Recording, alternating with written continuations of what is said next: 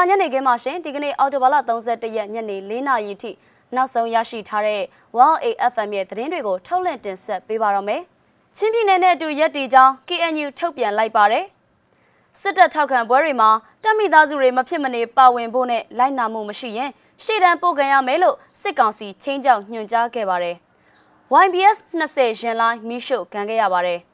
စစ်ကြုံပညာရေးကိုတပိတ်မှောက်ကြောင်းအခြေခံပညာကျောင်းသားသမဂ္ဂများကြေညာလိုက်ပါတယ်ဒီသတင်းတွေကိုတင်ဆက်ပေးပါမယ်ရှင်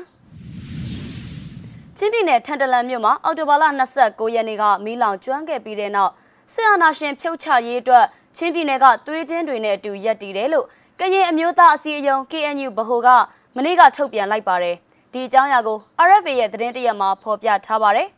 ထန်တလန်မြို့ကနေအိမ်တွေကိုစစ်တပ်ကမိရှို့ဖျက်ဆီးတာဟာ လွန်ခဲ့တဲ့ဆယ်စုနှစ်အတွင်းမြန်မာစစ်တပ်ကကရင်ပြည်နယ်မှာရှိတဲ့ခရီးရန်ဖျားကျောင်းတွေအပါအဝင်ရွာပေါင်း3000ကိုမိရှို့ဖျက်ဆီးခဲ့တဲ့ဖြက်လေးဖြက်စစ်စင်ရေးကိုအမှတ်ရမိစေတယ်လို့ဖော်ပြထားပါတယ်။အဲ့ဒီအချိန်ကစစ်တပ်ရဲ့စစ်စင်ရေးကြောင့်ကရင်ပြည်နယ်ကဒေသခံတသိန်းကျော်ဟာလည်းအတင်းအဓမ္မနှင်ထုတ်ခံခဲ့ရတယ်လို့ဆိုပါတယ်။ဒီလိုလက်နက်မဲ့အရက်သားတွေပေါ်ရက်ဆက်ကြမ်းကြုတ်နေတဲ့စစ်တပ်ကိုပြင်းထန်စွာရှုတ်ချတယ်လို့လည်း KNU ဗဟိုကဖော်ပြထားပါတယ်။ အော်တိုဘာလ29ရက်နေ့မနက်ပိုင်းကချင်းပြည်နယ်ထန်တလန်မြို့ပေါ်မှာလောင်ကျွမ်းခဲ့တဲ့မိက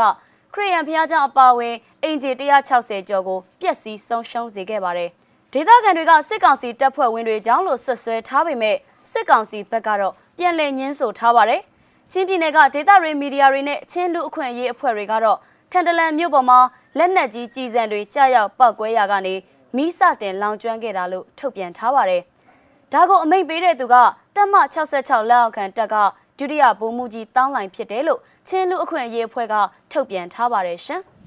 ။အခုရက်ပိုင်းတွင်နိုင်ငံတဝန်းမြို့ကြီးတွေမှာအာဏာသိမ်းစစ်တပ်ထောက်ခံပွဲတွေပြုလုပ်လျက်ရှိပါတယ်။အဲ့ဒီတပ်ထောက်ခံပွဲတွေကိုတပ်မိသားစုဝင်တွေတအိမ်တယောက်မဖြစ်မနေပါဝင်ရမယ်လို့ညွှန်ကြားထားကြောင်းစစ်တပ်အတိုင်းဝိုင်းစီကသိရတယ်လို့ ARI Times ရဲ့သတင်းမှာဖော်ပြထားပါတယ်။အနာသိန်းစစ်ကောင်စီလက်အောက်ခံတပ်ရင်းတွေကအရာရှိစစ်သည်မိသားစုဝင်တွေအနေနဲ့ တပ်မတော်ထောက်ခံပွဲကိုမဖြစ်မနေလိုက်ပါရမယ်လို့အမိန့်ပေးညွှန်ကြားထားကြောင်းနေပြည်တော်ကစစ်ဘက်ဆိုင်ရာအတိုင်းဝိုင်းစီကသိရပါဗျ။ဒါ့အပြင်တပ်ထောက်ခံပွဲကိုမလိုက်တဲ့အိမ်ကအရာရှိစစ်သည်တွေနဲ့တပ်မိသားစုတွေအနေနဲ့တပ်တွင်ရိတ်ခါအတွက်အလုတ်ကျန်လိုက်လောက်ရမှာဖြစ်ကြောင်းနဲ့စစ်ရေးလိုအပ်ချက်အရရှေ့တန်းကိုပို့ဆောင်ခံရမယ်လို့ညွှန်ကြားထားကြောင်းသိရပါဗျ။ရန်ကုန်ကတော့အခုထိမလုပ်ရသေးဘူး။လုံခြုံရေးအခြေအနေအရပေါ့လုပ်ဖို့တော့ညွှန်ကြားထားတယ်ပုံမှန်144ထုတ်မထားတဲ့မြို့တွေမှာတော့ လုပ်ဖြစ်မယ်ထင်တယ်။တက်ရင်ထဲမှာမိသားစုဝင်တအိမ်တယောက်မပါမနေရပါစစ်တပ်ကပဲလုံခြုံရေးရောကားကအစစီစဉ်ပေးတယ်တက်ရင်ထဲကလိုင်းခန့်အတိအကျနဲ့လူအရေးအတွက်ထည့်ပေးရတယ်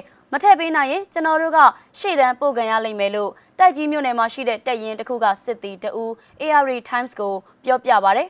တမတော်ထောက်ခံပွဲတွေကိုနိုင်ငံအတွင်းမှာရှိတဲ့မြို့နယ်တချို့မှာလူရာနဲ့ချီကျင်းပနေပေမဲ့အများစုကစစ်တီမိသားစုဝင်တွေဖြစ်ပြီး အာဏာသိမ်းစစ်တပ်ကိုထောက်ခံတဲ့စစ်မှုထမ်းဟောင်းတွေနဲ့အမျိုးသားရေးလှုပ်ရှားသူပြည်ထောင်စုကြံ့ခိုင်ရေးနဲ့ဖွံ့ဖြိုးရေးပါတီ USDP အမာခံတွေသာပါဝင်ကြောင်းသိရပါဗျ။အခုလိုစစ်တပ်ထောက်ခံပွဲတွေပြုလုပ်နေချိန်မှာစစ်ကောင်စီရဲ့ကျန်းမာရေးဌာနကလည်းကိုဗစ်ရောဂါကူးစက်မှုတွေရော့ကျလာတာကြောင့်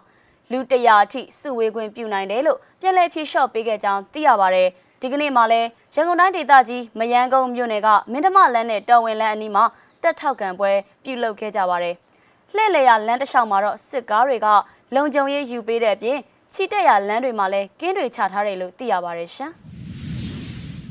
ရန်ကုန်တိုင်းจิมမြနိုင်မြို့နယ်စင်မလိုက်မှတ်တိုင်နားမှာဒီကနေ့မနက်10:16မိနစ်လောက်က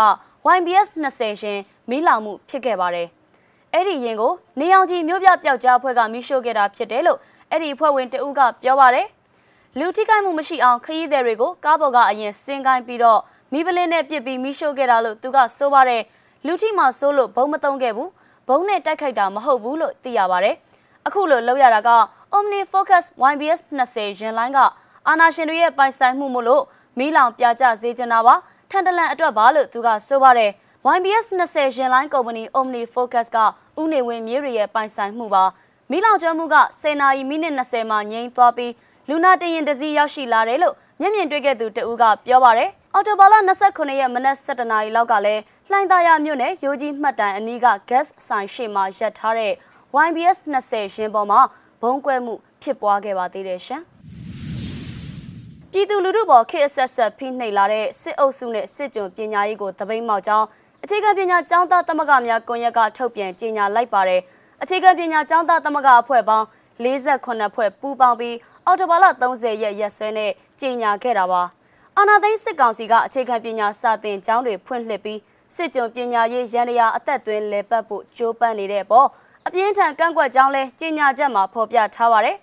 မြန်မာနိုင်ငံမှာစစ်အာဏာသိမ်းပြီးဖေဖော်ဝါရီလ1ရက်နေ့နောက်ပိုင်းနိုင်ငံအနှံ့အပြားခုခံတိုက်ပွဲတွေဖြစ်ပွားနေပြီးမငြိမ်သက်တဲ့အခြေအနေတွေကြောင့်သားသမီးတွေလုံခြုံရေးကိုစဉ်းစားပြီးစစ်ကောင်စီဖွင့်လှစ်မဲ့စာသင်ကျောင်းကိုမပို့ကြဖို့လဲအခြေခံပညာကျောင်းသားသမဂ္ဂများကွန်ရက်ကတိုက်တွန်းထားပါတယ်။ အခြေခံပညာရေးဦးစီးဌာနလက်အောက်ကစာသင်ကျောင်းတွေပုဂ္ဂလိကစာသင်ကျောင်းတွေနဲ့ဘုံတော်ကြီးသင်ကျောင်းတွေအားလုံးကိုလာမယ့်နိုဝင်ဘာလ၁ရက်ကစပြီးဖွင့်လှစ်သွားမယ်လို့အနာသိန်းစစ်ကောင်စီပြန်ကြားရေးဌာနကအော်တိုဘာလ28ရက်မှာကြေညာခဲ့ပါတယ်ရှင်။ Wow AFM ရဲ့ဒီကနေ့ညနေ4နာရီထိနောက်ဆုံးရသတင်းတွေကိုတင်ဆက်ပေးခဲ့တာပါ။နားဆင်ပေးခဲ့ကြတဲ့အတွက်ကျေးဇူးတင်ပါတယ်ရှင်။